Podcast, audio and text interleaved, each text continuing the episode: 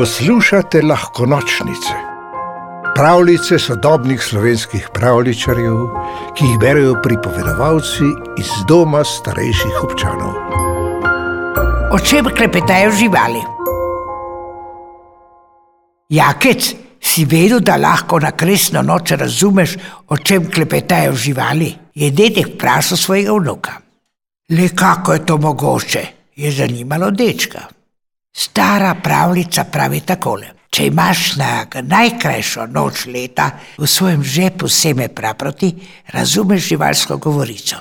Je smeje, odgovorijo dedek. Potem pa morava takoj na sprehod v gost. Če pravi že večer, je predlagal jakec. Na najno jaso, ob potočku, tja, kjer sva videla srno. Pojdeva, se je strinjal dedek, ki je stanoval blizu gozda. Sem že obud, se nasmehnil vnuk, gleda ne pozabiš na praprot. Dedek in vnuk sta krenila proti gozdu. Ko sta prišla do prvih dreves, je dedek na usta položil prst in dejal: Pššt,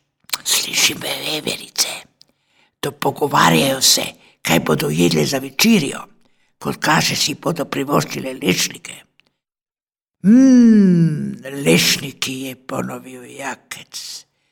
Slišim tudi ježa, le kje je skrit. No, se ni pomembno. Zaspanec se kome dobro prebudil iz popoldanskega dremeža, iz tršanskega boli križ. Kako živahno je v gozdu, je rekel jakec in prijel detka za roko. Mravljec skrbi, da bo po noči deževalo, je pripovedoval dedek, če česa ne marajo, je to dež. Vsaka dežna kaplja je za nje, kot da bi jih polil s škafom vode. Revice je sočutno šepnil deček. Joj, kako je glasen, se je nasmehnil dedek. Kdo? Divi prašič. Govori v sanjah, spati mora nedaleč stran od naju. Te zanima, kaj si želi? Povej mi, je zanimalo jakca. Želi si veliko skledo čokoladnega sladoleda. Ah, daj no, dedek, divi prašiči vendar ne jedo sladoleda. Saj sem rekel, da govori v sanjah. Pšt, dedek, govori bolj potiho, da ga ne prebudiva. Na bližnji veji je zapel kos. O čem prepeva je zanimalo jakca. Trenutek je zamišljal, da je dedek. Zanimivo pesem prepeva, takole gre. Za trenutek obstanite, za trenutek se objamite, naj za hip zastane čas, utihne žvižg, utihne glas. Ta objem naj gre večno, da srce bo mirno, srečno ko nas ves glas zadoni, glasen zven temačnih dni. Kako lepa pesmica je rekel Jakec, nisem si mislil, da znajo ptice kaj takšnega.